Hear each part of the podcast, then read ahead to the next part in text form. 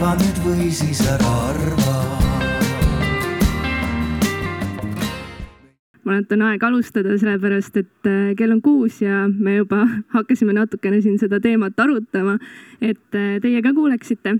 aga tere, Paide, tere, kallid kuulajad! Ja on rõõm võtta osa Arvamusfestivali ühest viimasest paneelist ja panna teiega koos sellele lavale siin ja, ja sellele festivalile üks äh, punkt ja nagu te ilmselt pealkirjast aimate, siis räägime täna Balti riikide välispoliitikast ja kuigi pealkiri on üsna optimistlik, Balti riigid eesliin globaalses poliitikas,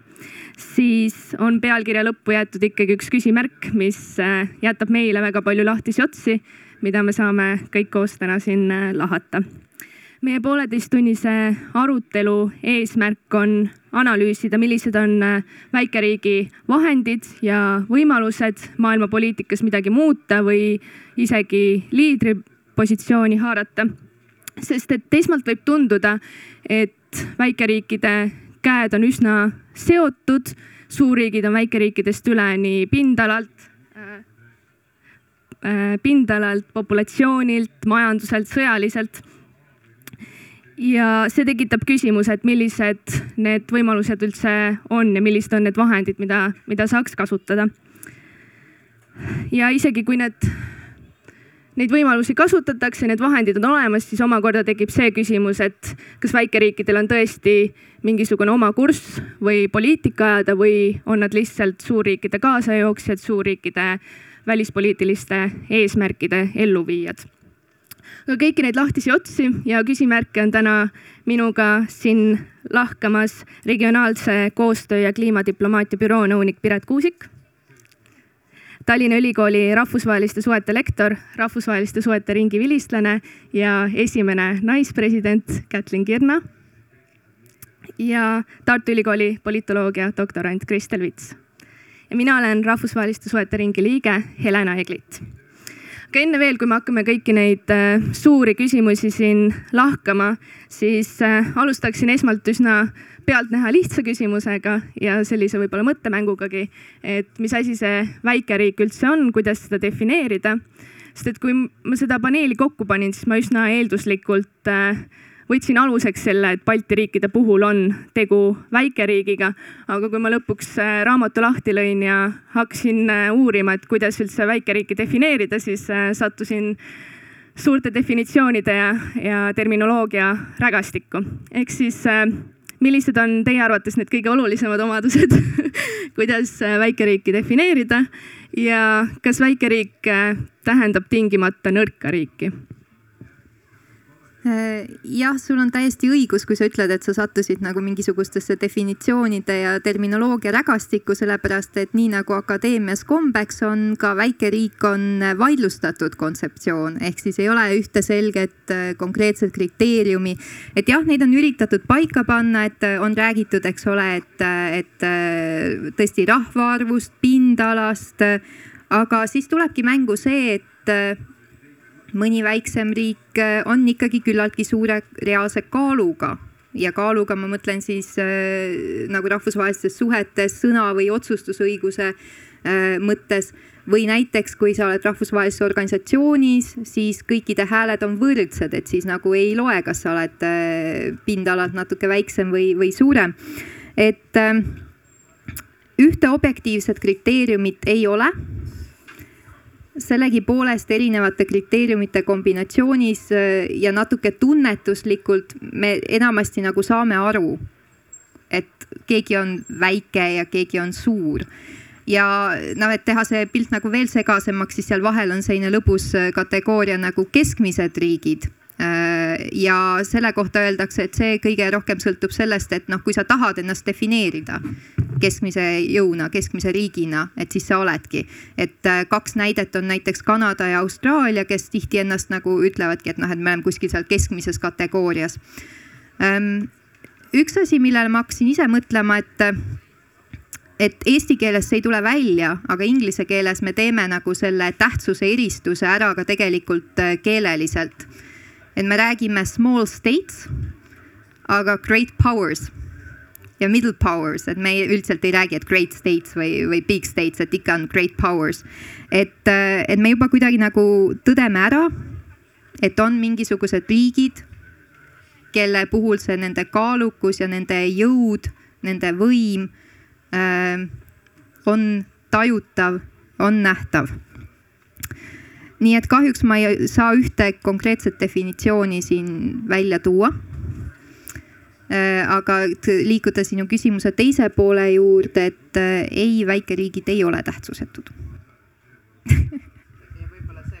Et väike, äh, Balti riigid on jah väikeriigid, see osa vist jäi ka veel, et jah, et väi, vaatamata erinevatele definitsioonidele, siis, siis alguspunkt oli õige, et jah, on väikeriigid sellise kui äh, praktiku seisukohast, siis äh, minu jaoks kohe defineerib väikse riigi äh,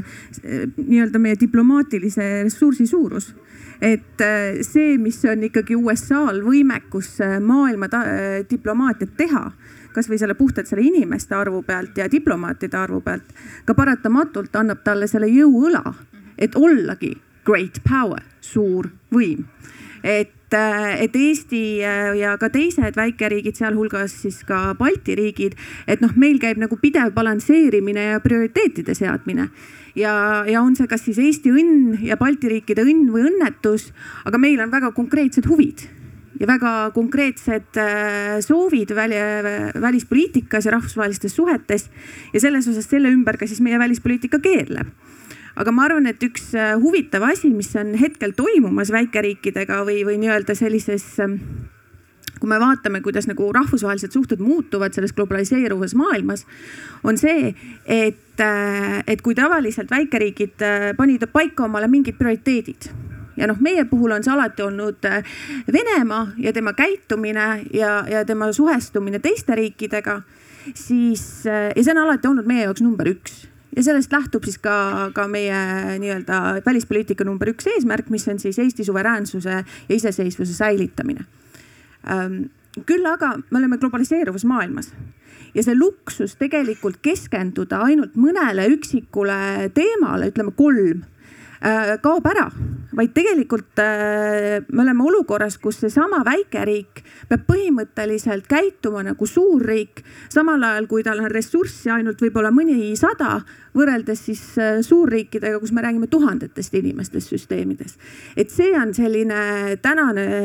väljakutse, et et, et olukorras, kus,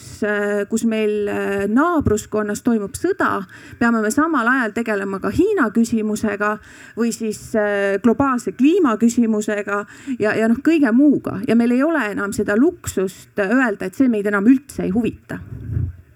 Ja võib-olla sa ütleks selle, et kui vaadata näiteks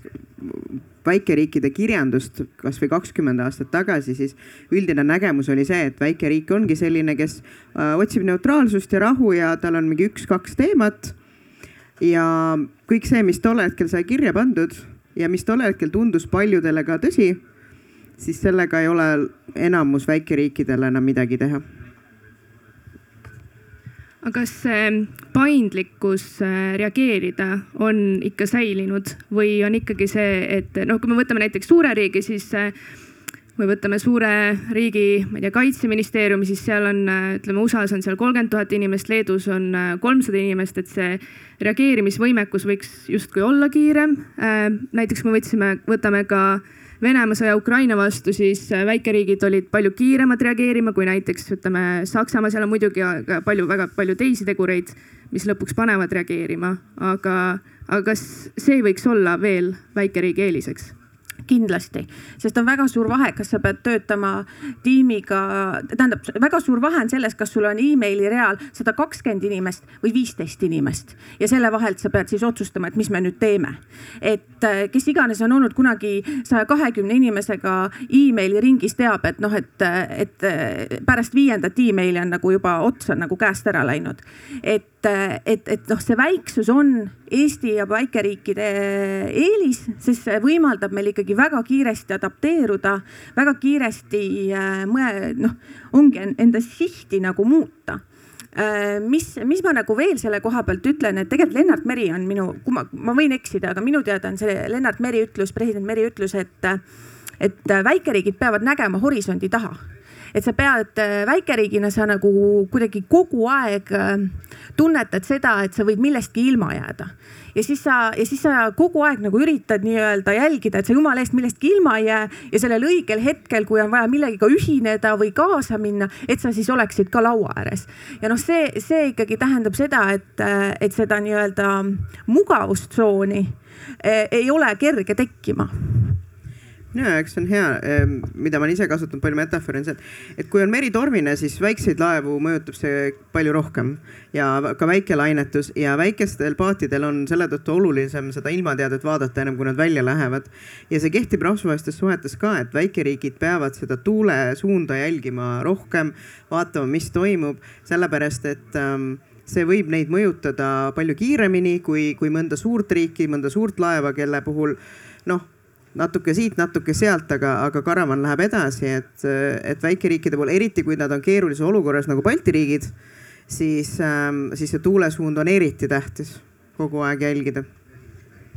Äh, mina ütleks siit omalt poolt, et ähm, Eesti on läbinud üsna mitu proovikivi väga edukalt, et äh, Euroopa Liidu eesistumise korraldamine et äh, loomulikult iga riik seab teatud äh, prioriteetteemad, millega nad tahaksid äh, eesistumise ajal tegeleda. Ähm, Eesti teemad lõid mõnevõrra sassi kogu Brexiti teema. Eesti tegi ära, sai hakkama ÜRO Julgeolekunõukogu mittealalise liikmena Eesti pidi absoluutselt tegelema teemadega, mis ei olnud kuidagi tema nii-öelda mugavustsoonis. Eesti sai hakkama, et riigi tervikuna me oleme näidanud, et me suudame ülesande kõrgusele tõusta, me oleme piisavalt paindlikud, me tegeleme sellega. võib-olla omaette teema on see, et, et kui palju me nõuame oma inimressursilt, mis tõesti on piiratud, et inimesed teevad ära, aga võib-olla, et mis hinnaga, eks ole. et aga seda teemat me ilmselt täna ei puuduta ja ei oska ka tegelikult lähemalt kommenteerida tõesti väikeriikidel on vaja kogu aeg mugavustsoonist välja tulla. aga kui minna edasi nende äh, väikeriikide erinevate võimaluste vahele või nende poliitikate juurde, siis äh, vähemalt mulle tundub, et väikeriikide puhul räägitakse väga palju sellest väärtuspõhisest välispoliitikast. et äh, suurriikidelt seda ei oodata äh,. praegu ei ole ka näinud seda väga palju Venemaa sõja puhul aga väikeriikidelt justkui alati oodatakse, et, et justkui nende võimalus on siis teha midagi ära selle väärtuspõhise äh, põhjal. samas kui suurriigid peavad ajama sellist pragmaatilist ja väga kuidagi realistlikku poliitikat mina siin sinuga ei nõustu. Ja ma ei nõustu sellepärast, et äh, ma arvan, et tegelikult väikeriigid on need, kes peavad tohutult realistlikud olema, sest nagu sai öeldud äh,, meri kallutab meie paati just kõige rohkem. Ja, ja et, et selles osas see on see, aga tõsi ta on, et see väärtuspoliitika tuleb hästi jutuks, kui on, kui räägitakse väikeriikidest. Ja ma siinkohal võib-olla kasutaks sihukest kujundit, et äh, väärtuspoliitika on see, mis on meie instrument rahvusvahelistes suhetes äh, toimetamiseks. loomulikult äh, ka meie kui me ikkagi oleme ennast defineerinud täna osa lääne kultuuriruumist, mille aluseks on demokraatia ja liberaalsed väärtused, noh, siis me peame elama ja hingama neid ka. ja, ja, ja jätkuvalt me töötame selle nimel, et me oleme ühis, oleksime ühiskonnas ühel meelel nendel, nendel teemadel. aga aga kui me räägime konkreetselt äh, poliitika tegemisest, äh, siis see on äh, instrument meile, et olla nende riikidega koos, kellega me tahame koos olla, kes on meile kasulikud ja keda meil on vaja. aga kui läheb olukorra hindamiseks, siis ma arvan, et, et, et ei, ei ole võib-olla ebakohane öelda, et Balti riike peetakse kõvadeks sõjarditeks ma ütleksin seda, et ma olen nõus täpselt kõigega, mis, mis Piret ütles ja lisaks võib-olla siia juurde selle, et ähm, väga palju väärtuspõhisest jutust on vajalik ka selleks, et kasutada seda mm, enda kaitseks. ehk siis, et kui meie ei toeta neid väärtusi, siis miks keegi peaks meid toetama samade väärtuste alusel ja, ja see on ka see põhjus, miks väikeriiki väga palju seostatakse väärtuspõhise poliitikaga. aga jah, ütleme eks see Balti riikide tõl-, tõlgendus Balti riikide rahvusvahelisest tegevusest on olnud väga erinev, on siiani väga erinev. Muidugi kui Eesti pikka aega, Eesti ja Läti, Leedu, eelkõige Eesti ja siis Leedu äh, rääkisid sellest, et Venemaa see ja Venemaa teine ja Venemaa kolmas ja, ja kui ütleme kakskümmend aastat tagasi või isegi äh, siin natuke vähem oli väga noh, ka täiesti akadeemilises kirjanduses ja ka tavaajakirjanduses oli palju juttu sellest Balti äh, et Balti rahvas ei saa äkki üldse aru sellest, et, et kõik on läbi ja, ja me elame hoopis teises maailmas ja, ja lõpetagu ära oma see tüli norimine. et siis see on selles mõttes vähemaks jäänud, aga see ei ole ära kadunud. et me oleme, meid jätkuvalt mõnel pool ei nähta kui sellist neutraalset äh, riigigrupikest, kes äh,, ma ei tea, korjavad lilli või midagi sellist, nagu see visioon tihti on nendest väikeriikidest. vaid äh, need on ikkagi need, kes tülivad tülivad nori norivad tüli suure, suure naabriga ja siis nüüd meil on kõigil selle tõttu jama, et nemad seal tüli norivad. ja ma olen ma olen ka kogenud seda välismaal olles, et justki just nagu Balti riikide välispoliitikast rääkides, et, et me oleme need väikesed natsionalistlikud riigid, kes, kes tahavad Venemaale või venelastele halba teha. aga ma siinkohal ütleks selle ära, et ma arvan, et Eesti selles osas on olnud väga tubli, et meil on see jutt olnud nagu hane selga vesi ja, ja jumal tänatud, et et, et noh, tihti tuuakse näidet seda, kuidas seda survet lõpetada ajateenistuspõhine nii-öelda sõjaväeline ülesehitus selles osas. Ja, ja Läti ja Leedu läksid seda teed ja meie ei läinud. Ja just Soome näitel, et, et selles osas ütleme nii, et, et see tihti hinnatud talupoja mõistus võib ka olla sama kange. Ja, ja noh, täna, täna ütleme nii, et hea, et oli. Ja on jätkuvalt. Ja, ja siin lihtsalt tooks näiteks, et juuli lõpus äh, kirjutas Helsingin Sanomat sellest, et äh, Soomes äh, on äh, akadeemilised ringkonnad nüüd nagu hakanud tunnistama, et seal on olnud päris korralik enesetsensuur Venemaa teemadel aastaid. ja isegi tuli see tsensuur või see surve olla oma sõnastuses Venemaa suhtes kuidagi nagu mitte väga karm isegi tuleb äh, ka äh, Soome poliitilistest ringkondadest ja näitena toodi, et, et aastal kaks tuhat neliteist näiteks jäi üks teadlaste raport Venemaa tegevuse suhtes avaldamata. sellepärast, et autorid kasutasid raportis Venemaa tegevuse kirjeldamisel sõna rünnak. ja tunti, et see võib olla natukene liiga karm väljendus.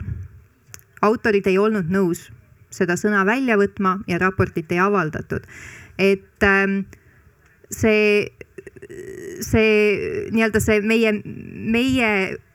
positsioonide mittemõistmine on ka tegelikult palju lähemal äh, kui ainult läänes, eks ole, et aga tõesti, et, et läänes äh, nii, nii poliitikaringkondades kui paraku ka akadeemilistes ringkondades tõesti on olnud päris palju sellist ähm, Venemaa vabandamist, äh, meie kogemuse pisendamist ja, ja eks ole, kogu see argumentatsioon, äh, mida esindas äh, väga hästi üks tuntud rahvusvaheliste suhete teadlane John Mersheimer, et lõppkokkuvõttes on nagu lääs ise süüdi et Venemaa praegu Ukrainale kallale tungis, sellepärast et me ei võtnud piisavalt tõsiselt Venemaa õigust mingisugusele äh, lähivälismaale, mingisugusele naabruskonnale ja tsoonile äh,, kus äh, Venemaal peaks olema justkui nagu prioriteetne või äh,, või Venemaal peaks olema nagu esmaõigus otsustada ja öelda, et mis siin nagu siis tegelikult saama hakkab ja et sellepärast, et, et lääs ei olnud valmis äh, neid, äh, neid asju garanteerima, et sellega me tegelikult ise tekitasime selle äh, Venemaa sissetungi Ukrainasse, mis, eks ole, kõlab täiesti jaburalt tegelikult meie jaoks siin. aga paraku läänes on üksjagu selliseid inimesi, kellega tuleb sellistel teemadel siis vestelda. ma võib-olla lisaks ühe näite juurde, see on küll ähm, väikeriigist tegemist oli Kreeka poliitikuga, aga ma arvan, et see läheb väga hästi kokku meie väikeriikide teemaga, et ähm, kus Kreeka poliitik tweetis teemal, et äh, Ukraina sõja teemal ja ütles, et ähm, ei noh, selle asja lahendus on väga lihtne, USA ja Venemaa peavad maha istuma ja asja ära lahendama ja mis iseloomustab äh, osaliselt seda, millele sa viitasid,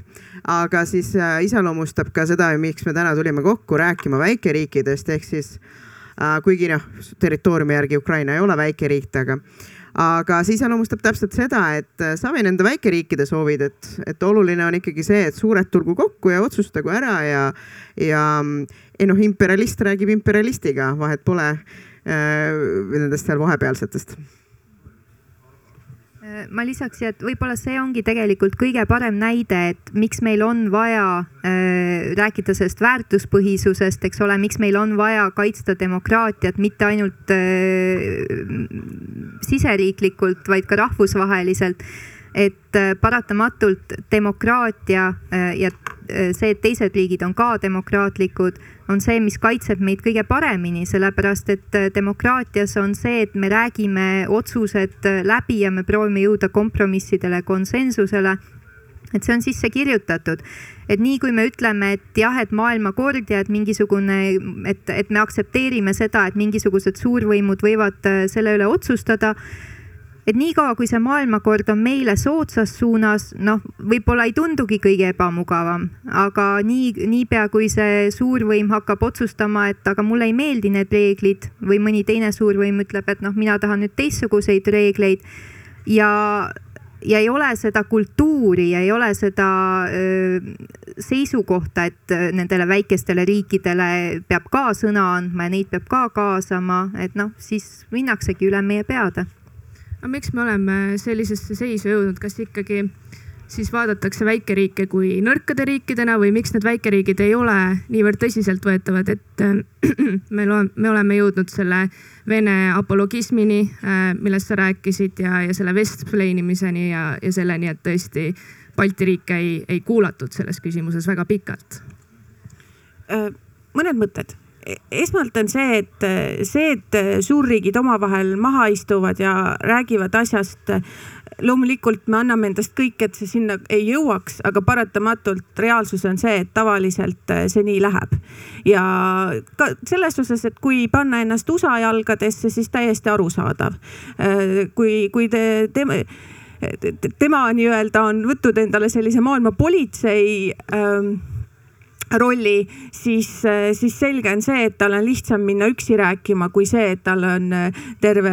armaada taga, eks ju, kuhu tahavad kõik demokraatlikud riigid äh, juurde saada ja siis noh, nendega koos nagu minna, et selles osas nagu noh, see on, see on selle mingis osas see on paratamatus ja see alati sinna jääb, aga see ei tähenda seda, et me loomulikult peame seda soodustama, aga see on, aga need on need karmid tõed, mis nagu diplomaatias sulle nagu väga kiiresti selgeks saavad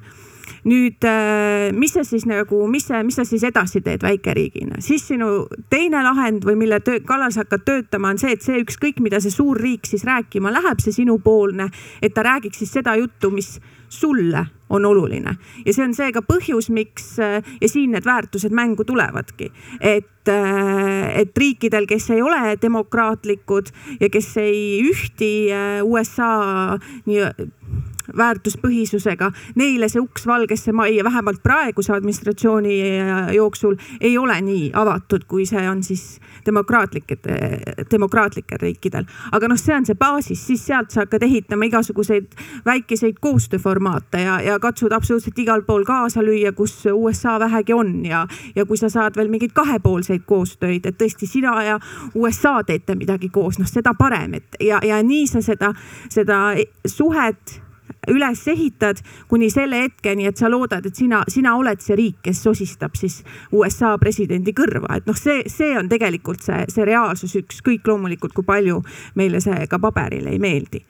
ja, ja, ja noh, põhjus, miks, miks äh, ma arvan, et me ei ole nagu selles osas läbi kukkunud oma seisukohtade esitamisega. et et noh, me peame nagu selles osas endale selgelt aru andma, et, et mis puudutab Venemaa poliitikat, siis siin maa, selles maailmas me ikkagi väga pikalt olime seal äärmustes. et, et, et see on nagu selge, aga, aga samal ajal noh, ütleme nii, et keegi nagu täiesti ka sinna Venemaa hõlmadesse nagu ei jooksnud, eks ju, et noh, jah, me saame siin argumenteerida, Saksamaa, Saksamaa on võib-olla selles osas olnud kõige keerulisem, aga noh, täna ta ka ise, eks ju, on sellega kõige rohkem hädas, et, et selles osas ma kindlasti ei ütleks, et me oleme selles, selles nagu läbi kukkunud. aga, aga see on loomulikult keeruline olnud, et, et selgitada ja, ja see. ma võib-olla ütleks juurde, et siin on väga palju ka wishful thinking moment ja ma ei mõtle siin seda, et, et noh, see ei ole reaalsuse põhinev, aga, aga kui on mingisugused väikesed riigid, kes räägivad sellest, et kohe, et noh, et on oht ja on sõjaoht ja sa, sa ei taha seda uskuda ju miks, miks peaks uskuma seda no,? jah, sa tahad probleemiga siis tegeleda, kui see tekkinud on. Aga... sul on sada muud probleemi, no, kui sa oled USA, et, et kui sul okay, seda. ma jätaks USA selles mõttes antud hetkel kõrvale, sest USA-ga on natuke teine asi olnud niikuinii, aga, aga noh, näiteks vaadates neid Euroopa riike, et, et kui ähm, noh sina elad ikkagi selles mullis, et, et meil on Euroopa ja meil on Euroopa Liit ja, ja, ja, ja mm, Valgevene on viimane diktaator ja, ja kõik on nagu noh, põhimõtteliselt me oleme lõppfaasis ja it's all done ja kõik on jumala hästi. et si ja siis tulevad, need ütlevad, et ei, tegelikult see olukord läheb ainult hullemaks ja, ja meil on tegelikult suur probleem ja e, väga lihtne on neid, e, seda nagu ignoreerida ja ma mäletan seda, kui kahe tuhande neljateistkümnendal aastal sai alguse siis noh, see, mis Ukrainas nüüd praegu on edasi läinud. aga ma ei mäleta enam täpselt, kas see oli vahetult enne või pärast seda, aga äh, ma andsin intervjuud mingile lääne, mingisugusele lääne väljaandele ja nad küsisid, et noh, et kui Balti riigid räägivad Venemaast ja Venemaa ohust, et, et mis te mõtlete, kas te mõtlete majanduslikku mõju või, või midagi sellist. siis ma ütlesin ähm, tanke tänavatel ja siis ta vaatas mind lihtsalt sellise näoga, et täitsa lolliks läinud, et minu meelest oli jah vahetult ennem seda, kui, kui Ukraina seda äh, noh, Krimm ja kõik see alguse sai. Ja, ja siis natuke aega hiljem olidki tankid tänavatel. Ja, ja see oli nagu see moment, kus, äh, kus sa saad aru sellest, et, et, et väga palju nagu seda ja see on, kui sa ennem rääkisid Soomest, siis ma elan osa aega Soomes ja väga lõbus on äh, Venemaa teemadel. et, et selles mõttes, et see selline Äh, kui meie jaoks on, ütleme, see sõjaoht, loomulikult on see jätkuvalt meile kaugel, aga, aga kuidagi äh, nii ajalootunnist kui igalt poolt mujalt on, on see on ikkagi nagu väga lähedal äh,. et see põlvkonnad ei ole nii palju veel vahetunud ja, ja need seal, kus on vahetunud, siis ähm, noh, see pilt tundub nagu nii absurdne, mida, mida ka Balti riigid maalisid ja noh, siin ei olegi midagi teha, et äh, ma tegelikult väga oleks tahtnud seda, et, et meil oleks, et me oleksime eksinud siinkandis, et me oleksimegi lihtsalt hullu pannud. aga kahjuks, ähm, kahjuks me ei eksinud, et selles mõttes äh, äh, jah, on hea, hea küll, et öelda, et told you so, aga parema meelega oleks jätnud ütlemata ja parema meelega oleks, oleks nii, nagu oli viisteist aastat tagasi. jah, õppetund on väga kallis, eks ole aga mida ma tahtsin võib-olla veel öelda, et, et noh, et, et Helen sõid, tõid nagu ühe punktina välja, et noh, et, et Ukraina näitab, et väikeriigid on paindlikumad ja noh, paraku tuleb siin ikkagi nagu tõdeda, et see, et Ukraina teema on meile äh, kuidagi tunnetuslikult lähedane ja oluline, et Äh, on ka, et sa, ta ei ole sama oluline, ta ei ole sama lähedane paljude teiste riikide jaoks ja on küllaltki äh, probleeme või on küllaltki konflikte, kus äh, nemad reageerivad ja meie ei reageeri, sest meie jaoks ei ole see tunnetuslikult lähedane ja oluline et meie frustratsioon praegu kohati ka nagu välis või noh, lääneriikidega, ka Euroopa riikidega, et noh, et kuidas te ei saa aru. et noh, aga nendel ei ole Venemaa kohe ukse taga või noh, et ja, ja neil on nagu mingisugust hoopis teised mõtted, prioriteedid, et et me võib-olla ikkagi ei taju seda, et noh, et kui palju Prantsusmaa tähelepanu läheb sellistele teemadele, mis on seotud kas nende endiste kolooniate või praeguste ülemere territooriumitega. Et lihtsalt üks näide, et kui palju globaalsemalt nemad mõtlevad ja kui palju laiem on nende haare ja siis, ja siis, kui me, eks ole, kui me ka käime liiga palju ja, ja võib-olla ütleme, et noh, et umbes, et miks te meid nüüd ei kuula ja miks te nüüd sellele Ukrainale tähelepanu ei, ei pööra. et jah, see on oluline teema eriti arvestades, et sellises äh, ulatuses, sellises äh,, sellisel viisil teise riigi reaalset sissetungi me ei ole ammu näinud, me ei ole sellega harjunud äh,. See ei Euroopas. ole Euroopas jah, et see ei ole midagi, millega me tahaks äh, leppida. aga sellegipoolest äh, ei saa me eeldada et kõik teised riigid kohe jätavad kõrvale kõik need teemad, millega nemad on võib-olla tegelenud palju pikemalt äh, ja, ja tunnevad palju suuremat vastutust kui meie. mulle tunduski lihtsalt, et, et esiteks Ukraina küsimuses, noh muidugi see on meil oluline teema ja sellepärast me olemegi paindlikud. Aga teisalt äh, see, kuidas, mis on teine aktuaalne teema, et kuidas Leedu on Taiwan'i toetanud ja kuidas ta on saanud seda teha, sest et tal ei ole Hiinaga mingeid suuri majandussuhteid kunagi olnud, tal ei ole väga palju kaotada, aga kui, kui on mõni teine suurem riik ei, võib-olla ei saa sedasama sammu astuda, sellepärast et, et sellest oleks palju kaotada ma, ma olen kunagi täitsa mingi minuti loengu teinud sellest, et väikeriigi suurim boonus on see, et keegi ei pane tähele, mis sa teed. Aga eh, mõningil määral on see õige, et noh, eh, ei pea isegi vaatama Hiinat, et eh, mõned aastad tagasi Rootsi uus valitsus toetas, tuli võimule ja teat-, esimese asjana teatas, et nemad toetavad Palestiinat ja siis äh, mindi kohe Saksamaa käest küsima, et kas te ka toetate ja siis Saksamaa tegi näo, et uh, ukse taga on koll ja jooksis minema. ehk siis um, noh, seal ongi erinevus, et, et kõik, kõik saavad erinevaid asju lubada endale ja, ja see on teatud määral arusaadav, aga teisest küljest ma arvan, et siin, mis puudutab Leedu olukorda ja äh, muidugi jah, Leedu tegeleb minu meelest juba pikemat aega kasvõi Twitteris lihtsalt Hiina trollimisega äh,. võite jälgida erinevaid Leedu poliitikuid, mis asju nad korraldavad seal aga et jah, suuremad riigid ei saa endale lubada mingeid, mõningaid selliseid asju, aga teisest küljest ähm, ähm, kuidas öelda, suure, suurematel riikidel on teised hoovad.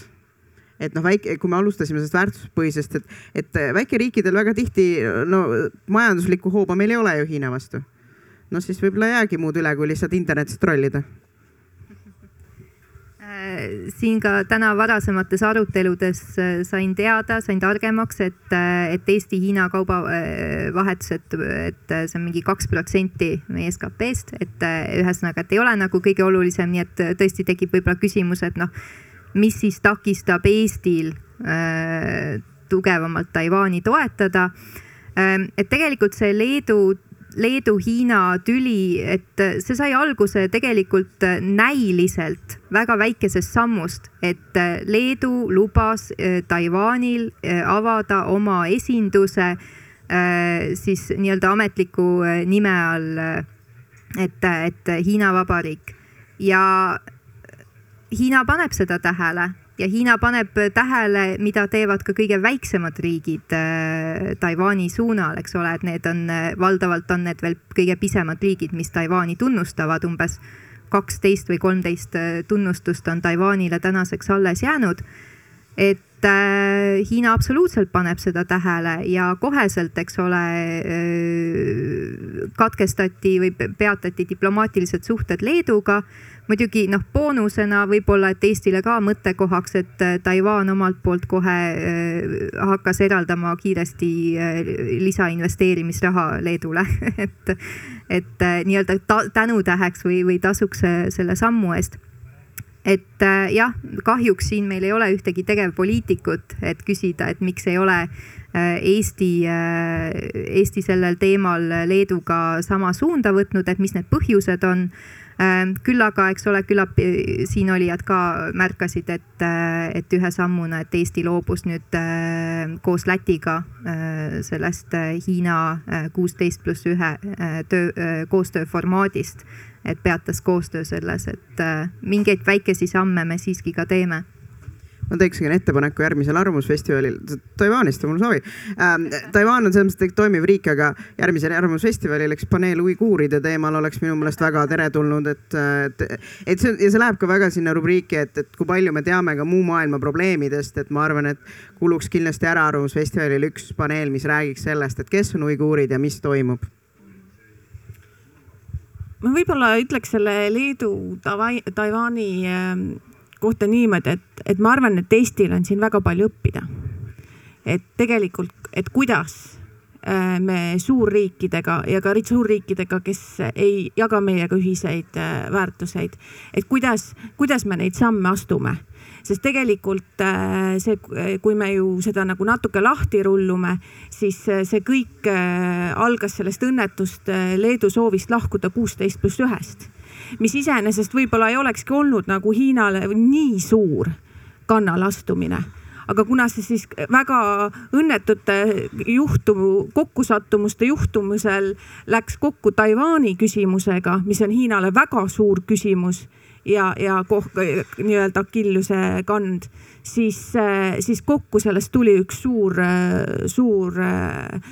möll ja, ja, ja palju, palju tolmu üleval ja tegelikult me siiamaani tänani ei tea, mis need lõplikud äh, tagajärjed sellel on. et äh, võib-olla nagu mõtteks see, et, et et väikeriigina võib-olla kohe päris ei tasu ka nagu esimesena äh, lahingusse joosta, sest äh,, sest tavaliselt siis lihtsalt sind lastakse maha. selleks meil ongi Leedu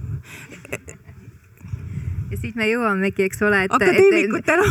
omad käed. ei, siin ongi see, eks ole, et me tahame väga uskuda seda, et me oleme kuidagi väärtuspõhised ja et me edendame sellist maailmakorda, aga lõppkokkuvõttes on ikkagi pragmaatika, eks nagu ole, et kui me midagi et... teeme, et äh, tagajärjed meile on palju ikkagi märkimisväärsemad, et meie ei suuda kohati võib-olla neid tagajärgi alla neelata, nagu suured riigid äh, saavad seda teha. absoluutselt, et ja see ongi see koht, kus ma ütlen, et, äh, et minnes tagasi, mis ma alguses ütlesin, väikeriigid peavad olema räiged realistid ja pragmaatikud. et ja, ja see väärtuspõhisus on see, mis äh, räägib siis nii-öelda, aitab meie enda huve edasi viia aga, aga kui tuleb nii-öelda olukorra hindamisele ja sellele, mida, kuidas me oma poliitilisi samme teeme rahvusvahelises poliitikas, siis ei maksa nagu naiivne olla ja, ja, ja, ja need tagajärjed tuleb väga tõsiselt läbi mõelda ja, ja siin ma arvan, Leedu on selline hea case study, mida mitmed rahvusvaheliste tudengite õpilased saavad veel aastakümneid õppida. no kui minna samm tagasi, siis äh, küsida, et kas, kas Leedu pani niisama hullu esimese riigina, võttes selle sammu väikeriigina või seal, mis see ikkagi suurem nagu tagamaa on, et ta selle sammu tegi? kes kaua kannatab, see kaua elab, ütlen ma selle peale, et kannatamatus on üks äh, kole asi et äh, see, et kuusteist pluss ühes äh, asjad nagu käärisid, see oli juba ammu teada ja see, et riigid tahavad välja astuda, see oli ka ammu teada. seal pigem see küsimus tollal oligi see, et kuidas me seda teeme, et kas teeb üks riik üksi, kas seda tehakse mitme riigiga koos, kas me teeme seda kuidagi astmeliselt, et, et tõesti enam kõrgetasemelist taset enam ei saada, saadame mingisuguse kolmanda astme ametniku. erinevad riigid võtsid erinevad viisid, tükk aega oli Balti riikide riikidel selline ühine joon, et ainult saatsimegi siukseid äh, madalama astme ametnikke. et äh, aga see, aga see nagu keris pikalt ja, ja noh, siinkohal oligi, et, äh, et, et noh, me ei tohi ka nagu seda ära unustada, et et meil oli ka eelmine USA uue administratsioon, kellel oli väga erinev lähenemine Hiinale ja, ja noh, see mõju ikkagi Leedule tollal ja, ja see soov nii-öelda noh, selle administratsiooniga võib-olla siis ka rohkem siukseid ühisemaid puutepunkte leida, oli nagu kibedam. et äh, Eesti siin koha, koha peal nagu lähenes asjale natukene võib-olla tasa ja targu ja, ja, ja katsus nagu rahulikumalt äh, läheneda. Et, et, et siinkohal jah, see, et on palju õppida ma ütleks, et võib-olla see, mis ennem oli juttu sellest horisondist, et siis ma arvan, et see oligi näide sellest, et tuleb näha horisondi taha, et ka seesama USA administratsioon, et ühel hetkel ta ikkagi lõpeb, et kas ta lõppes nüüd noh, okei okay,, lõppes ära, aga või kui ka tol hetkel oleks lõppenud, oleks lõppenud millalgi hiljem. aga ma tasapisi jõuame võib-olla nagu selle juurde, et mis alguses sai ka räägitud, et noh, näiteks see koostöömoment on hästi oluline väikeriikidel ja ja see on minu isiklik arvamus, et noh, et Balti riigid oleks pidanud selle sammu koos tegema äh,, sellest Hiina koostööformaadist välja astuda, et äh, ja, ja see on noh, üks näide sellest, et mis, mis tegelikult Balti riikidel on äh, potentsiaalikas, aga hetkel nõr, vähe nõrk äh, selle kohta on eriarvamused, kui nõrk või kui hästi see edeneb, aga ähm, noh, Eesti ja Läti ja Leedu ähm, koos oleks kindlasti parem ja, ja me ja seesama ka tasakaalukuse küsimus ka, et, et, et kui enne alguses oli juttu, et noh, paindlikkus, et sa räägid hästi vähestega läbi, et, et, et siin mõningatel momentidel tasuks rääkida rohkematega läbi, kolm, et kui kolm riiki ikkagi jõuavad samale, samale järeldusele, et siis, siis tõenäolisem on, tõenäolisemalt on see järeldus ka hea. et kindlasti rohkem koostööd ja, ja rohkem läbirääkimist, et noh, see oleks olnud ideaalne näide, kus, kus Leedu ei oleks niimoodi pihta saanud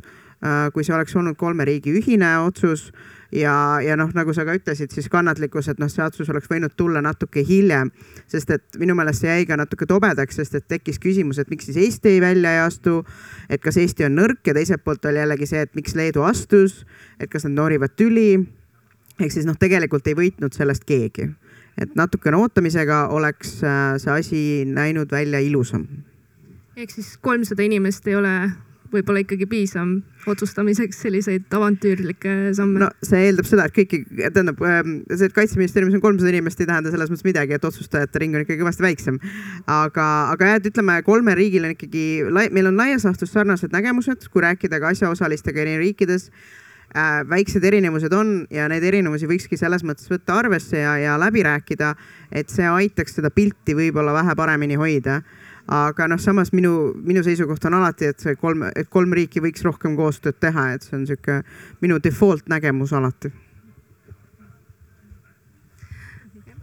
võib-olla ütlen selle kommentaari, et, et siis, kui ma think tanker olin, mis oli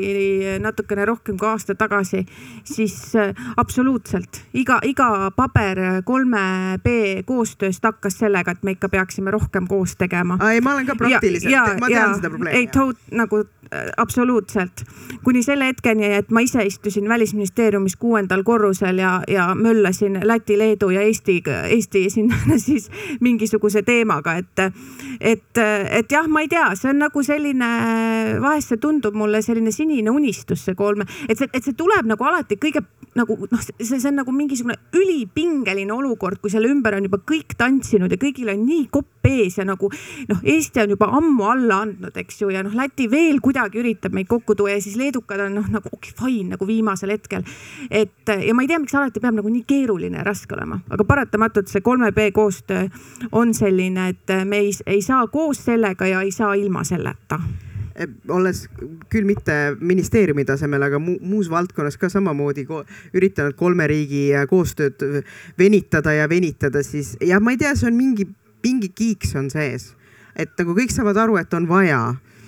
aga ei saa jah, sest äh, ma kunagi äh, kuulsin äh, sihukest väga huvitavat, et see häda on selles, et me oleme kõik kolmekesi üpriski ühesuurused, et, et me nagu lähme sinna teki, teki rebimise tasandile, et, et, et see on nagu vist tihti see, mis meid ikkagi, et lõpuks tülli nagu ajab aga enne kui me koostööde ja tülidega edasi läheme, siis kas kellelgi on küsimusi tekkinud?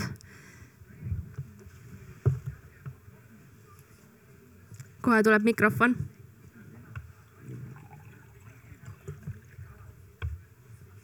tere. hallo, ahah, äh, tere. Äh, ma küsiks veel selle Taiwaniga seoses, et äh, kas teie arvates see nagu toetuse avaldamine või mitteavaldamine, et kas see võib olla ka seotud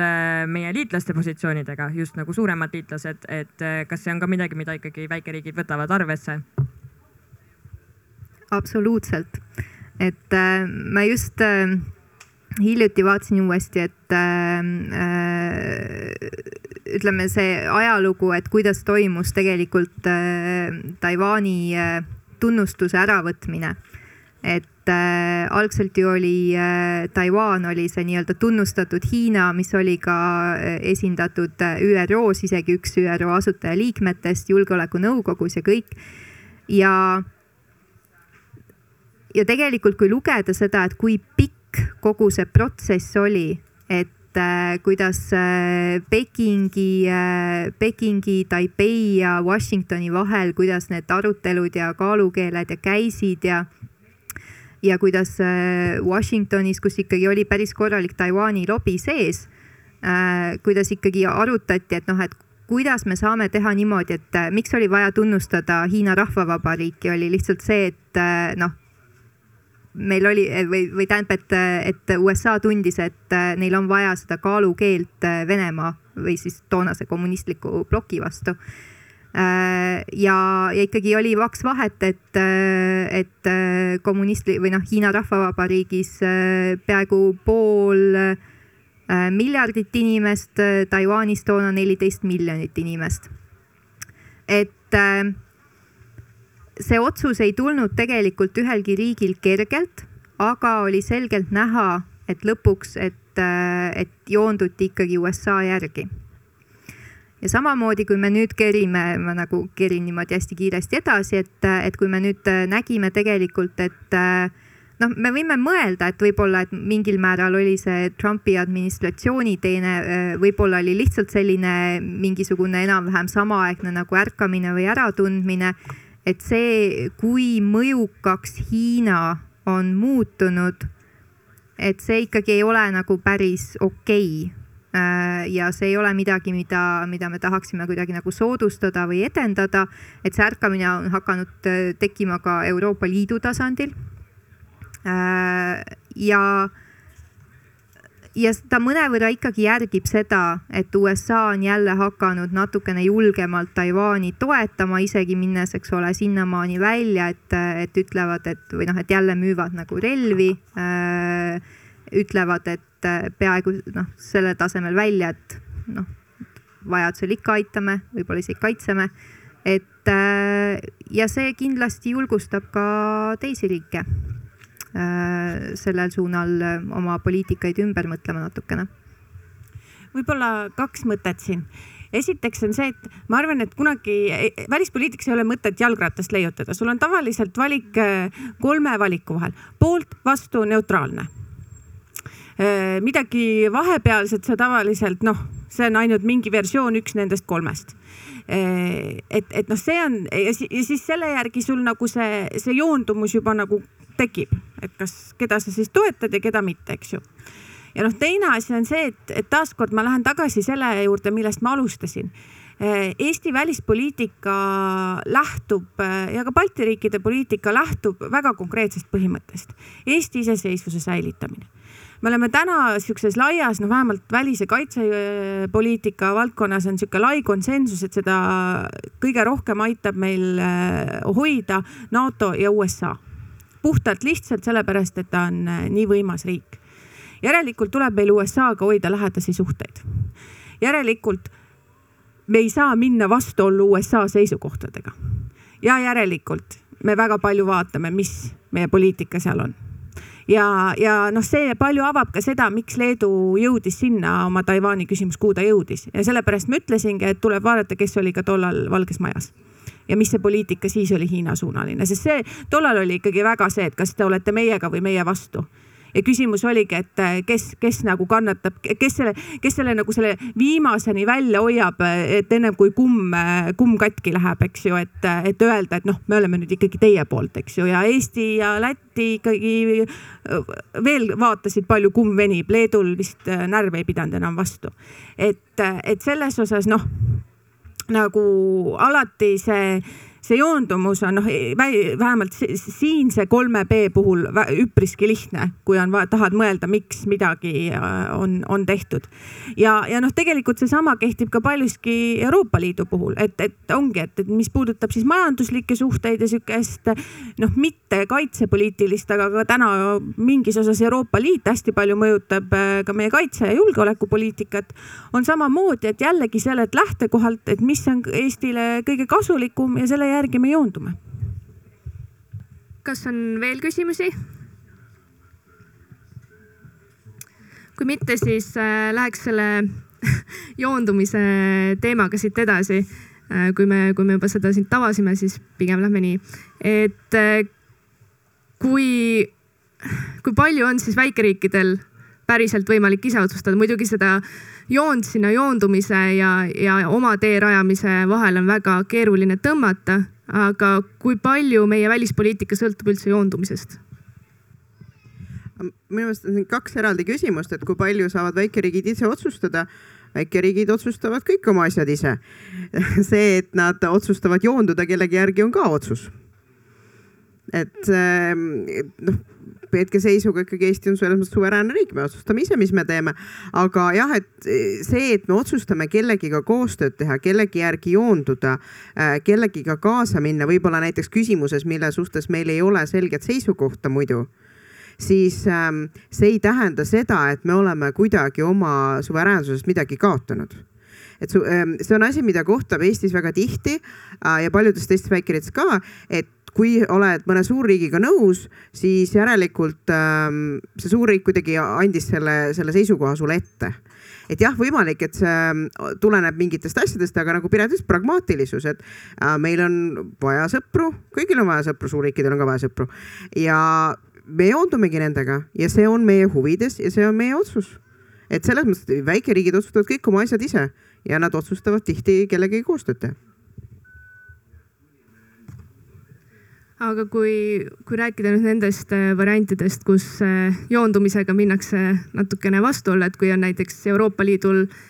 üks äh, suund või üks mõte, kuhu minna ja siis USA-l on teine, siis äh,, siis on Balti riikidel küsimus, et äh, kumba joonduda. Absoluutselt. Ja noh, selles osas see ongi Balti riikide õudusunenägu,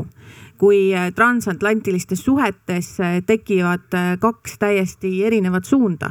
Ja, ja see oli see ka, mida me Trumpi administratsiooni ajal osati saime Te tegelikult päeva lõpuks väga vähe tunda, aga see oht ja see mure selle pärast oli ikka tohutu et, et tagasi vaadates neid kääride kohti sai olema, arvestades kõikidest nendest võimalikest üpriski vähe. Aga, aga see oli, see oli väga suur mure ja see on, see on see, mis noh, meie seisukohast on meie jaoks ikkagi välispoliitiliselt väga suur murekoht. ja noh, kasvõi Euroopa siseselt kui Euroopa suured omavahel tülli lähevad, mis siis saab äh,? seda oli näha ka Brexiti ajal Äh, kui ennem oli juttu sellest Eesti eesistumisest, siis see oli, oli näide sellest, ähm, et kui noh, me oleks pidanud Brexitist rääkima, oleks võinud Brexitist rääkida, aga Eesti huvides ei olnud Brexitist rääkida eesistumise ajal, sellepärast et Eesti huvid äh, Euroopa Liidus on küll toredad, aga Eestil on ka huvid kaitseküsimustes. Ja kui ennem oli see, et USA on meie number üks, siis UK on meie number kaks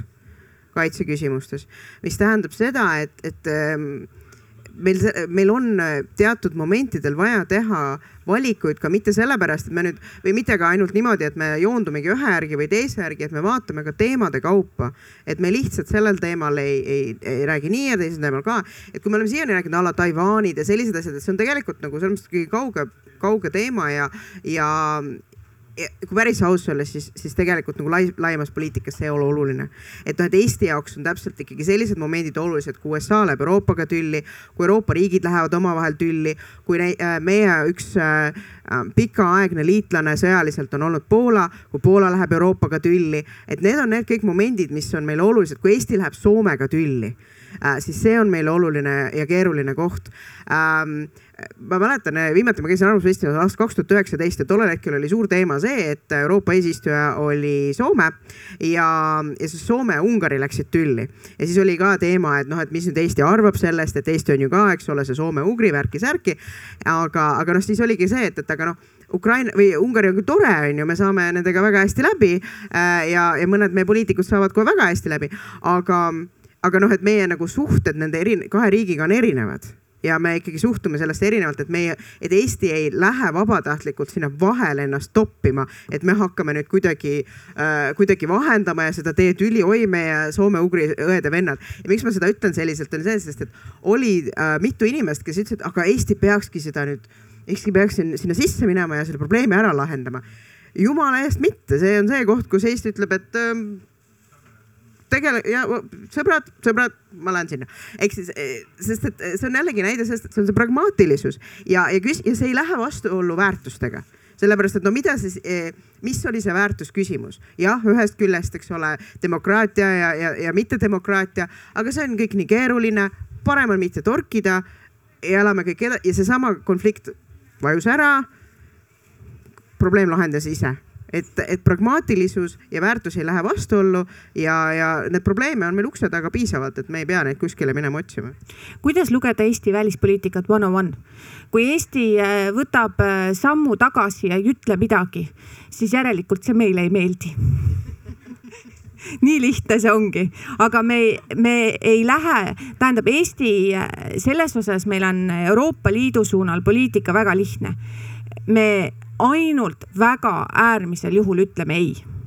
me kas ei ütle mitte, tähendab üldiselt me ei ütle mitte midagi, kui mulle, kui meile ei meeldi midagi äh,. tavaliselt katsume kindlasti leida kohti, mis meile meeldivad, mida me saame toetada absoluutselt. aga me ei lähe sinna äh,, ei sõida rattaga sisse, lipp taga, ei et, et see on nagu, nagu selline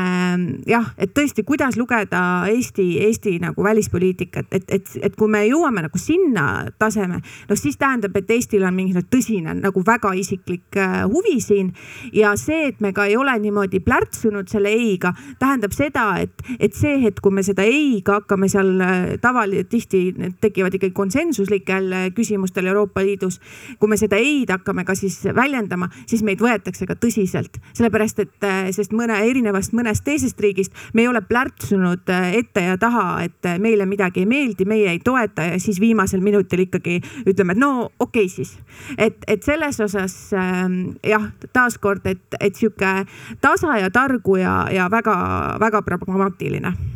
ja ma lisaks võib-olla selle juurde, kuna, kuna see vibe juba eelnevalt kerkis, et see, et me nii teeme, ei tähenda seda, et me oleme kuidagi haledad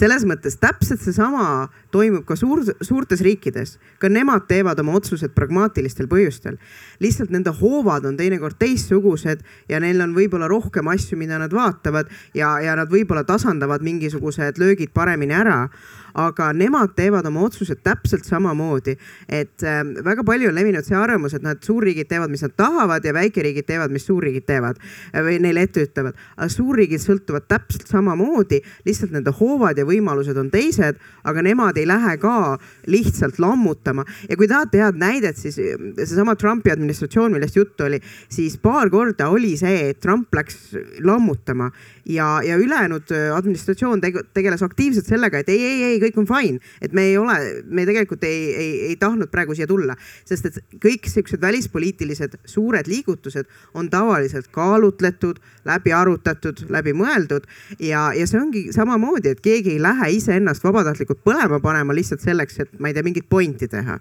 olgu see siis suur riik või väike riik ja ega selles suhtes, et see ei tähenda, et, et selle teemaga siis üldse ei tegeleta, et, et lihtsalt meie avalik seisukoht on see, et me astume sammu tagasi ja, ja vaatame, kuidas, kuidas pall veereb, eks ju, ja,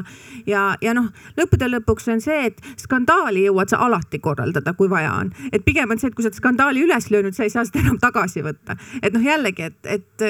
kes kaua, noh diplomaatia, ta on, ta on mäng ja see, kes on kannatamatu, tavaliselt kipub ikka kaotama ma tooks äh, korraks äh, sisse natukene selle akadeemilisema poole jälle, et lihtsalt, et äh, tõesti, et näidata, et kuidas nagu suhtumine väikeriikidesse, nende rolli on, on ikkagi muutunud palju nüansseeritumaks ka akadeemilises diskussioonis, et kui me nüüd räägime sellest, et noh, mida Eesti reaalselt teeb, et, ähm, et algselt või noh, ütleme sihuke paarkümmend aastat tagasi akadeemilises kirjanduses leiti, et väikeriikidel on sisuliselt nagu kaks strateegiat et kas tasakaalustamine või kaasajooksmine, et kui on mingi tärkav uus suurvõim, et noh, et kas sa nagu hakkad tema vastu koonduma, püüad leida võimalikult palju nagu liitlasi, kes ka mõtlevad ja, ja niimoodi nagu selle tärkava suurvõimu nagu nii-öelda maha suruda või neutraliseerida või sa jooksed temaga kaasa ja tegelikult nüüdseks me ikkagi oleme ka selles akadeemilises diskussioonis jõudnud nende palju nagu noh, mitmekesisemate strateegiate juurde, et on äh, backpassing ehk siis see on raskesti tõlkida, tõlgitav eesti keelde, aga võib-olla see lihtsalt ongi, et noh, mingitel teemadel me ütleme, et noh ei puuduta meid, me ei tegele sellega. aga et üldiselt ikkagi, et öeldakse, et, et väikeriigid kõige rohkem tegelevad sellise ingliskeelse termi, termini kohaselt hedging ehk siis ongi selline pidev selline positsioonide nagu valik ähm, kaalutlemine, et, ähm, et ka akadeemiline diskussioon on selles mõttes, et jällegi see näitab mingis mõttes, et kui palju äh, tähelepanu ikkagi väikeriigid pälvivad ja, ja et kui olulised nad ka mõnevõrra ikkagi on, et, et uuritakse ka, et noh, mida nad siis teevad ja mis on selle reaalelulised tagajärjed. nii et on äh, vaja siis vahepeal neutraalne olla see neutraalsus, ma kogu aeg mõtlen, kõik räägivad neutraalsusest siin, äh, siin Arvamusfestivalil, mul on nagu sihuke anekdootlik kogemus, et mina olen käinud äh, Türkmenistanis. Türkmenistan peab väga oluliseks seda, et aastal tuhat üheksasada üheksakümmend viis äh, sai Türkmenistani neutraalsus äh, ÜRO resolutsiooniga kinnitatud. mida see praktikas tähendab, et see, et see riik kuulutab, et me oleme nagu kohutavalt neutraalne, me ei sekku mitte midagi, et äh, me ei sekku mitte millessegi, see tähendab ka seda, et nad keelduvad isegi oma regioonis igasugusest nagu koostööst, mille tagajärjed on see, et see riik on majanduslikult äh, ikkagi noh, täiesti alla igasugust arvestust. mingisugust demokraatiat seal ei ole, et kui me vaatame demokraatia indekseid, et kui me oleme harjunud mõtlema Lõuna-Koreast kui, või vabandust, Põhja-Koreast kui võib-olla seal kuskil indeksite lõpus olevast, et siis tegelikult Türkmenistan on nagu libisenud nüüd nagu allapoole veel et, äh, et mitte mingisuguseid inimõiguseid, mitte mingisugust äh, demokraatiat ei ole ja ometi on see, et nad ütlevad igal pool, aga me oleme neutraalsed, et noh, see minu jaoks on see lihtsalt see neutraalsuse nagu ihalus ja selline tagaajamine, et noh, ma kogu aeg millegipärast mõtlen tagasi selle Türkmenistanile ja mõtlen, et noh, et kui neutraalsus nagu, eks ole ähm,, ekstreemsuseni viiduna äh, on nagu selline asi, siis ei, meil ei ole vaja sellist neutraalsust. Yeah. lihtsalt me ei lähe nagu siin lihtsalt, kui meile midagi ei meeldi, siis me ei lähe seda tüli nagu tegema et, et lihtsalt istume suu kinni ja ootame, kuni probleem laheneb iseenesest või siis keegi teine selle ära lahendab, et, et noh, ongi, et, et lihtsalt, et noh, kasvõi praktiliselt, et lõppude lõpuks meil on ainult üks diplomaat, eks ju, istub igas nii-öelda formaadis, kus noh, nagu neid on ta siis Koreper või, või ülemkogu või, või ka eesist-, ÜRO Julgeolekunõukogu ajal siis äh, julgeolekunõukogus olemine, et no ma lihtsalt nagu ei jõua nagu igal pool plärtsuda ja point ongi selles, et sa tegelikult, teised ei võta sind enam tõsiselt et sa lihtsalt äh, saed omaenda oksa, et täpselt nagu inimsuhetes inimene, kes on kogu aeg konfliktne, äh, sa mingi hetk lihtsalt ei kuula teda enam, täpselt samamoodi on ka riikidega. ja ma ütleks, et nagu ma vai-, minu arust on üldsegi vaieldav, et kui väga neutraalsus kui selline on olemas et äh, saad ikkagi, kui sa ei ütle midagi, siis äh, siis see ei tähenda seda, et sa oled neutraalne, see võib olla nii, nagu Piret ütles, et sa lihtsalt ei tahtnud praegu sega, segada sinna vahele. see võib olla see, et sa oled rahul selle status quo'ga äh, noh, hea näide ongi see, et, et näiteks kui me alustasime siin Ukraina sõjast, et, et kui sa jääd Ukraina ja Venemaa suhet, suhtes neutraalseks, siis see võib tähendada seda, et sa tegelikult toetad Venemaad, aga sa ei taha äh, seda teemat tõstatada. võib-olla sa ei toeta Venemaad, aga sa ei taha Venemaaga tülli minna ja võib-olla sind lihtsalt ei huvita. Ehk siis, et noh, neid asju on väga erinevaid asju, mis, mis, mis võivad seal taga olla, et ähm,, et noh, kõik see võib minna neutraalsuse alla. Ehk siis tegelikult äh, neutraalsust kui sellist asja ma ei näe, et oleks üldse olemas, et ongi, ongi ähm, strateegiline otsus, mis iganes see otsus on kui rääkida sellisest äh, strateegilisest äh, välispoliitikast, ma ei, ei, ei saa seda üldse nagu neutraalsuse alla panna, aga ta midagi sarnast, mida nagu Ungari teeb, et ühest küljest äh, ta on lääne organisatsioonides, aga teisalt on toimunud see ida avanemine, kus ta Venemaa ja, ja Hiinaga kõvasti koostööd teeb eelkõige majanduslikult, et ta on justkui valinud mingisuguse kolmanda tee, kus ta laveerib mitme suurvõimu vahel ise väike riik. no rääkides riikidest, kes plärtsuvad kogu aeg um,. no mis iganes Orban praegu teeb, siis edu talle sellega, ütlen mina no vaatame, kuidas läheb selles osas, et kus ta siis nagu võidab ja ei võida, et äh, iga võit, mida ta saab Hiina või siis Venemaa käest, on kaotus jälle kuskil mujal, et, et kahjuks, kahjuks see niimoodi on nagu köievedu, et kui sa tõmbad ühele poole, siis sa teisel pool kaotad, et iga asi on, äh, on trade-off ja, ja tihti sa peadki küsima enda käest, et kas sa oled äh, valmis kaotama seda, mida sa kaotad. ja, ja noh, Ungari puhul eks elu näitab Äh, minnes tagasi täitsa selle debati alguse juurde, et kui me rääkisime, eks ole, et noh, väiksed riigid, äh, suur, suurriigid, suurvõimud. et äh, noh, seal vahel on ju olemas ka veel, ongi regionaalsed võimud ehk siis riigid, kes tahavadki ja üritavadki oma regioonis ennast rohkem maksma panna. ja selles mõttes, et noh kui mõnel õnnestub, siis see alati ju ärgitab ka teisi proovima, et noh, meil läheduses ei pea kaugelt otsima, et Türgi on tegelikult äh, Erdogani juht, juhtimisel äh, küllaltki edukalt tegelikult suutnud äh, tõsta ennast pildile, lükata ennast, ennast regioonis nagu olulistesse diskussioonidesse, olulistesse suhetesse, eks ole, või noh, tekitanud sellist olulist, et, et sa nagu noh et paljusid asju nagu enam Türgita nagu ei saa arutada. ja noh, Ungari ja Türgi ei olegi teineteisest nii kaugel, et ma arvan, et see tekitab ka, ka mõnevõrra sellist nagu, et noh, sellist kopeerimist või sellist käitumist, eks ole, et kellelgi õnnestub, et noh, ma panen ka siis oma nagu noh, eks me kõik tahaks öelda, et noh, et me paneme oma sisepoliitika või oma rahva või kuidagi paneme nagu kõige ette ja siis mõtleme ainult nagu äh,, nagu sellest lähtuvalt, et noh, nagu siin öeldi, et edu, edu talle sellega jah, aga ma arvan, et siin ongi see küsimus, et, et, et kas see tegelikult nagu on selle rahva huvides või kelle, kelle huvi ke,, kelle huvisid siis seal esile pannakse, et noh, tänane Türgi inflatsiooni juures ma arvan, on raske nagu argumenteerida, et see on Türgi rahva huvides, mida Erdoğan, president Erdoğan äh, teeb ja, ja paratamatult on ta endale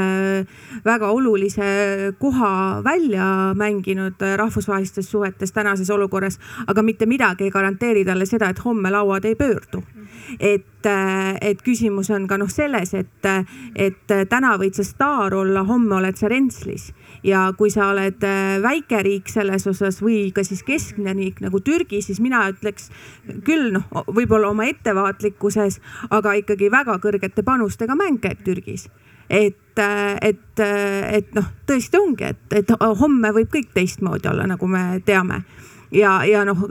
ma arvan, et see, see teatud isikute ja poliitikute soov ja, ja julgus eh, niimoodi oma rahva ja, ja riigi tulevikuga mängida noh, eks see jääb siis nagu nende südametunnistusele. aga, aga noh, seda ma ütlen kindlalt, et eh, siin regioonis meie sellist asja omale kohe kindlasti lubada ei saa no ma arvan, päris mitu asja, mis sa just ütlesid Türgi kohta, kehtivad seesama Ungari kohta ka, et ähm, kuigi tundub, et Orbani olukord on vähe stabiilsem, aga, aga ma ütleksin võib-olla seda, et ähm, äh, mingil noh, välispoliitika ikkagi on mõjutatud ka muudest asjadest ja äh, see, see nii-öelda poolisiklik suhe, mis selliste sarnaste riigi juhtimisvaadetega juhtide, sealhulgas siis Erdogani ja, ja Orbani ja äh, Putini ja Trumpi ja kõigi nende vahel tekkis, et noh, see mõjutas seda samamoodi nende positsiooni ja, ja mõjutab seda edaspidi ka, et, et ega ilmaasjata Orban ei rääkinud suure rõõmuga sellest, et tema oli esimene Euroopa liider, kes, kes Trumpiga rääkida sai Äh, ma ei mäleta, kas see oli pärast valimist või midagi sellist. ehk siis äh, noh, seal on mitmed erinevad asjad, mis mängivad, mängivad oma mängu. välispoliitikal on palju mõjutajaid ja ma olen sellega nõus, mis väga nõus, mis Piret ka ütles, et noh, et kui palju see kõik selle rahva ja, ja riigi kui sellise huvides on, on täiesti omaette küsimus ja, ja ma arvan, et ka Ungari puhul on, on see, on see kahjuks ähm, kahjuks seis, et me ei tea, kui palju sellest nagu pikemas perspektiivis riigile kasu tuleb, et Orbanil tundub praegu väga hästi olevat jah, aga eh, president Trumpi ta võis esimesena näha, aga kas ta Valges Majas ka ukse, ukselt täna sisse saab, et, et noh, täpselt, et eh, lauad võivad pöörduda ja täpselt samamoodi me peame olema valmis selleks, et ka järgmistel valimistel USA-s lauad taas pöörduvad ja oleme meie need, kes jäetakse ukse taha ja siis tuleb ka meil leida see viis sinna uksest sisse, sest päeva lõpuks on meie huvi see, et, et ikkagi meil on lähedased suhted USA-ga, et, et, äh, et noh, ongi et ja noh, sel niimoodi mängida, see on ikkagi äh, kuradi julge, ütlen ma. Ungaris on muideks nali, et, et nad on alati valinud äh, konfliktides kaotaja poole.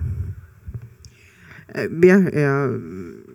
Attila de Han ei olnud üldse ungarlane äh,, mida ei tasu neile kunagi öelda. aga ma, aga selles mõttes me jõuame ikkagi selle juurde tagasi, millest ennem juttu oli, et, et ähm, väikeriigi huvides või üldse riigi huvides ei ole plärtsuda ehk siis noh, nagu sa ütlesid, lauad võivad pöörduda, asjad võivad muutuda ja, ja teinekord see, et sa ei võta tugevat sõna äh, avalikkuse ees, sest et noh, tegelikult ju ikkagi kulisside taga käib hoopis teised diskussioonid, diplomaadid räägivad oma asju. et siis ähm, see võib tunduda väljaspoolt vaadates, et, et äh, ei juhtu midagi ja, ja, ja mõttetu ja nii edasi, siis tegelikult ongi plaan hoopiski kolm sammu ette, et, äh, et me tasapisi organiseerime endale sobivaid asju, aga me ei lähe äh, noh kuidas sa ennem ütlesid, jalgrattaga lipp, lipp taga lehvimas, et noh, et me ei lenda niimoodi sisse. et see ei tähenda seda, et, et midagi ei toimu. ma just äh, see suvi äh, kohtusin ka äh, kahe poolakaga, nüüd kui sinu mõttega edasi minna, et, et, et mingit eeskuju ta ikkagi mängib, et äh, kuidas nemad äh, tõid välja, et, et et muidu neile Orban ei meeldi ja nad ei sooviks Poola riiki sellist juhti nagu Orban, aga nad vaatavad alt üles sellele, kuidas, kuidas Orban teeb ise otsuseid ja ei, ja ei poe ühegi teise organisatsiooni või riigi äh, sabasse või selja taha. et mingisugune selline, ma ei teagi, auküsimus või? ma arvan, et äh, see keeruline ja väga ohtlik mäng, mis on rahvusvahelised suhted sinna ei ole vaja rohkem isepäiseid, mul tuli mõte tüüpe, olenemata sellest, mis riigist nad on. Äh, samas, kui jälle natuke mõtestada laiemalt, et ähm, viimased aastad on kahtlemata olnud hästi turbulentsed ja hästi keerulised. Ja selles mõttes nagu äh, mingil tasandil ma saan aru, ma ei, ma ei, noh, ma ei suhestu sellega, ma saan aru sellest, et paljude rahvaste jaoks, paljude inimeste jaoks muuhulgas ka meil Eestis on, on, on see kontingent olemas, kelle tundub, et, et noh, selline kõva käega juht või valitseja on positiivne. Et nad on väsinud sellest, eks ole, et noh, me nägime ise ka Eestis koroona ajal, eks ole, et noh, olukord oli ebakindel, olukord oli pidevalt arenev aga tava, tavainimese jaoks lõpuks muutub see väsitav, et väsitavaks, et täna tuleb üks juhis, homme tuleb teine juhis. et mis on selliste nagu populistide ja selliste kõva käe juhtide nagu nii-öelda see eelis või pluss on see, et nad taandavad kõik probleemid nagu küllaltki sellisteks nagu lihtsateks valemiteks. meil on iibeprobleem, keelustame abordi. meil ei ole inimestel äh, tööd selge välismaalased tuleb, välis, et immigrante ei tohi riiki lubada, nad võtavad äh, töö ära, eks ole, et äh, noh, mingid sellised nagu hästi lihtsakoelised äh, lahendused. ja mingil, mingitel hetkedel see muutub inimestele atraktiivseks. ja, ja see võib-olla on ka see põhjus, miks me praegu näeme ikkagi tegelikult rahvusvaheliselt, et on märgatav autoritaarsuse tõus, demokraatlike riikide hulk langeb, et see ei ole, see ei ole loomulikult meile positiivne tegelikult. aga me ei saa ka otseselt eh, noh, mis me teeme selle vastu, nagu ma ütlesin, eh, võib-olla ma ütlesin seda teises paneelis, võib-olla ma ütlesin juba siin, sassi läheb. et, eh, et põhimõtteliselt meil, meie ainuke võimalus ongi see, et me peame nii oma siseriiklikult kui ka välispoliitikas järjepidevalt kaitsma demokraatiat ja me ei tohi ka Eestis endas võtta seda, et me täna oleme demokraatlikud. me ei saa seda võtta iseenesestmõistetavana ja mõelda, et see nüüd alatiseks niimoodi ka jääb. et meil on, äh, meil on küllalt palju näiteid praeguseks juba riikidest, mis arvasid, et noh, et kui nad on juba ükskord demokraatiasse jõudnud, et siis äh, sealt me enam nagu tagasi ei saa langeda. et äh, paraku see nii lihtne ei ole et, et see kõva käe ihalus on mingil tasandil on see ka mõistetav äh,. aga see tähendabki, et tulevadki sellised poosetajad äh,, kes pikas plaanis ikkagi tegelikult mängivad oma, oma inimeste ja oma riikidega jah, ja ma nagu siinkohal võib-olla viiks seda mõtet edasi, et, et ma arvan, et see on nagu õppetund meile endile, et, et kui me nagu viljeleme seda demokraatiat, et miks me siis viljeleme seda niimoodi, et ka see ei tule selgelt välja, et me seda demokraatiat viljeleme, et ma arvan, et, et mingis osas äh, see, ma ei näe, et see konkreetsus ja demokraatia on nüüd kaks nii-öelda vastukäivat või eksklusiivset äh, viisi, kuidas poliitikat teha et, et ka demokraatias saab võtta väga selgeid äh, otsuseid vastu ja, ja neid siis ka vastavalt väljendada. et äh, ja, ja noh, pigem ongi see selline õppekoht äh, nii valijatele ja kodanikele küsida, et noh, millist riiki me tahame ja siis ka poliitikutele küsida seda, et kas, kas nemad on valmis pakkuma seda, mida valijad tahavad. et, et noh, et ma kindlasti nagu jah, ma natuke nagu mind hirmutab see, kui me, kui me nagu mõtleme, et, et, et selgus ja konkreetsus on kuidagi vastuolus sellega, et me, oih, et me viljeleme demokraatiat. et eh, kindlasti mitte, sa võid olla väga demokraatlik ja väga konkreetne. ütleks võib-olla, et ähm, probleemide lahendused ei ole nii lihtsad, kui ähm, mõned poliitikud seda väidavad aga nad ei ole ka nii keerulised, kui mõned teised poliitikud seda väidavad jah, sest, sest eh, vot see probleemide lahtiseletamine on üks, mida ja selle keerukuse näitamine, ma arvan, on see, mis tihti võib-olla puudu on. aga teine ka see, et selle selgusega paratamatult eh, kaasneb vastutus. ja millegipärast me oleme lääneriikides palju näeme seda, et õudselt tahame poliitikat teha, aga kuidagi nagu vastutust kanda ei taha. ja, ja, ja noh, see on tegelikult see küsimus, et, et et, et meil on, me, me kuidagi peame sellesse demokraatlikku kultuuri tagasi tooma selle, et äh, poliitika on mäng ja see, et sind võib-olla järgmine kord siis enam ei valita, äh, on üks osa sellest ja ei ole mõtet game ida ennast mängust üle, lootes, et ma lihtsalt tõmban järgmised viiskümmend aastat välja kogu aeg saades vali, valides ja lootes, et valija seda tähele ei pane. kõige suurem viga, mida poliitik saab teha, on arvata, et valija on loll absoluutselt mitte, ta teab, ta näeb väga hästi, mida tehakse ja, ja, ja noh, ongi, et see, see, see, see demokraatliku süsteemi üle game imine on pigem see, mis ma arvan, et seda kõva käe ihaldust nii-öelda nagu toob. ja võib-olla, kui tuua tagasi selle juurde, millest me ka ennem rääkisime, mis puudutas ähm, äh, noh, just seda, et äh, noh, väärtused ja, ja nii edasi ja nii edasi, et ja, ja nüüd seesama väärt- ja vastutuse küsimus, et, et tegelikult ähm, kui me vaatame äh, ja, ja kui alguses oli juttu ka sellest, et noh, a la lääneriigid võib-olla ei, ei tahtnud mõelda sellele, et sõda tuleb. et mulle tundub, et ka meil on väga tihti see, et äh, see sihukene arusaam ja võib-olla ka nagu silmaklapid selles osas, et äh, nagu sa ennem ütlesid, et noh, et demokraatia on käes, et nüüd on kõik läbi, nüüd on korras. et tegelikult äh, me peame nagu hoidma seda kogu aeg ja, ja võtma vastutusele ka, ka neid, kes ei hoia seda ja see ei tähenda seda, et, et me, et vastutusele võtta need poliitikud, kes on demokraatia vastu vaid ka ikkagi eemaldada poliitiliselt maaltikult ka need, äh, kes, kes ei hoia seda sellega, et nad lihtsalt jauravad. ja, ja nagu sa ütlesid, ei taha vastutust võtta, et noh, et ja, ja minu nägemus on tihti see, et nad, et nad probleeme räägitaksegi keerukamaks, kui nad on, öeldes, et noh, seda ei saagi lahendada, sest et keegi ei taha vastutust võtta. ehk siis noh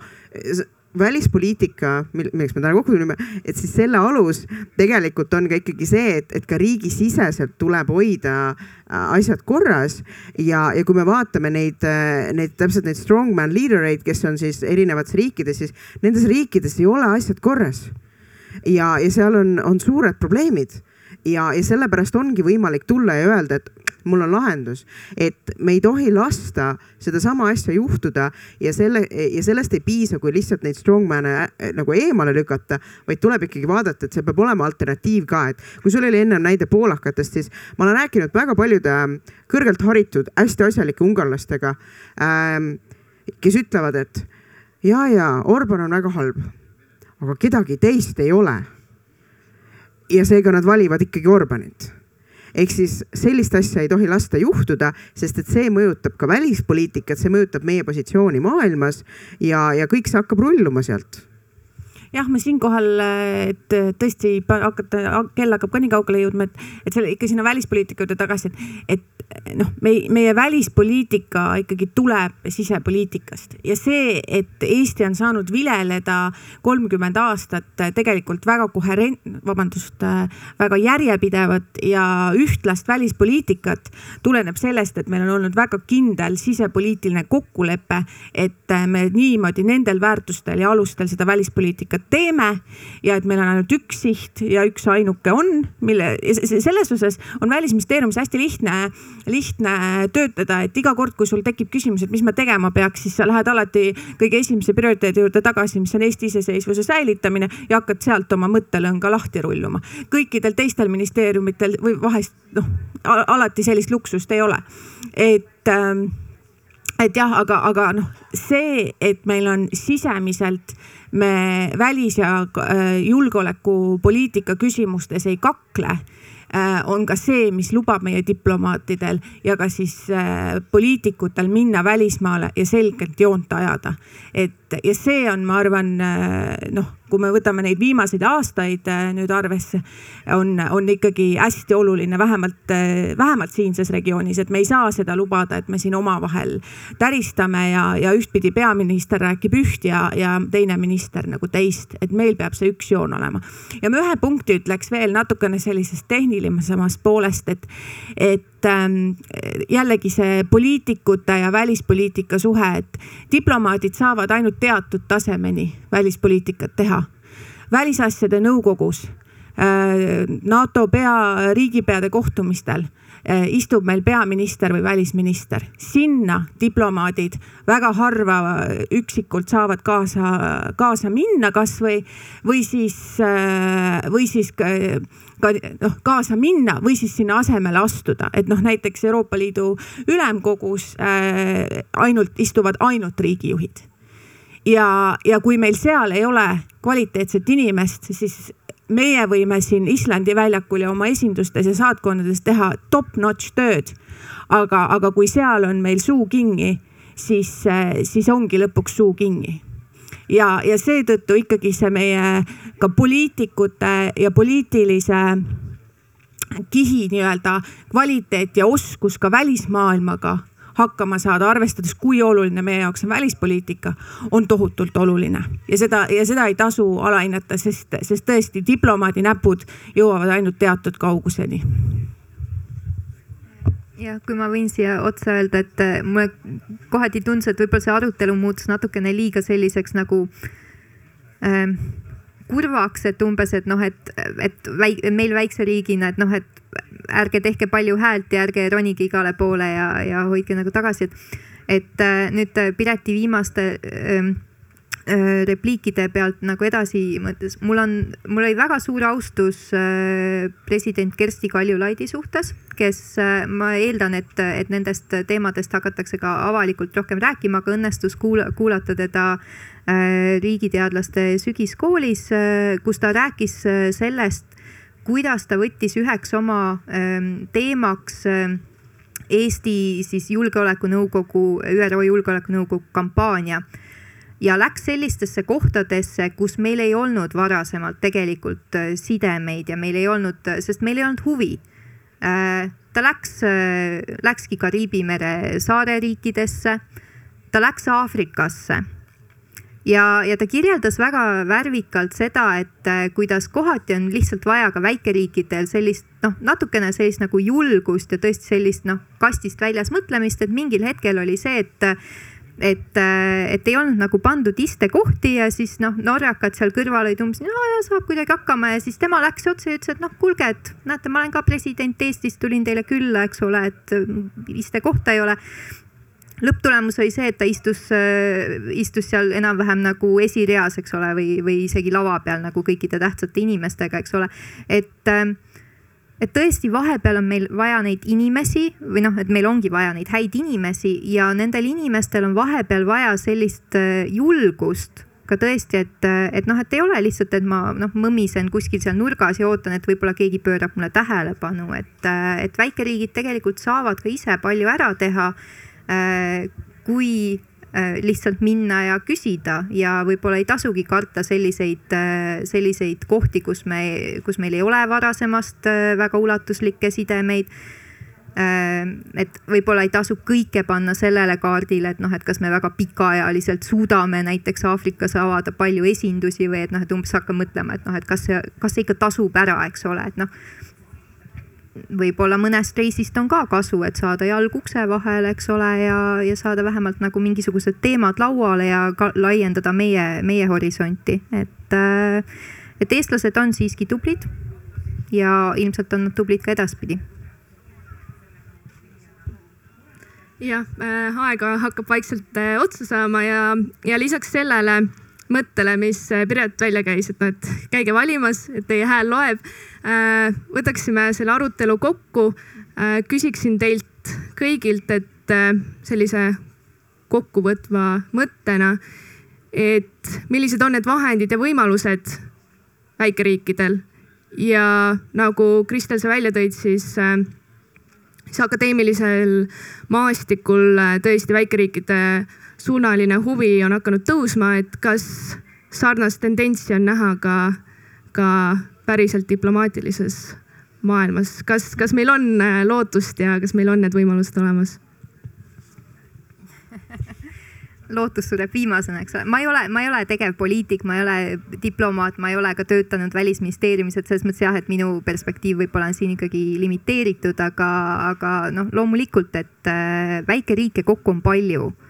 et, et loomulikult on keeruline, on see, et, et miks me üldse, eks ole, miks me räägime sellest, et miks ikkagi suurriigid saavad rohkem tähelepanu ja miks me nagu loomulikult nende järgi joondume, et noh, täiesti prakt-, pragmaatiline jällegi ja, ja sihuke praktiline, eks ole, et, et väikeriike omavahel, et kui nad kokku, et noh koos, teemasid kooskõlastada, mõtteid kooskõlastada on palju keerulisem, eks ole, et ja suurriigid ei istu ju samal ajal käed rüpes, et nemad üritavad ka neid, neid sidemeid luua. aga, aga jah, et, et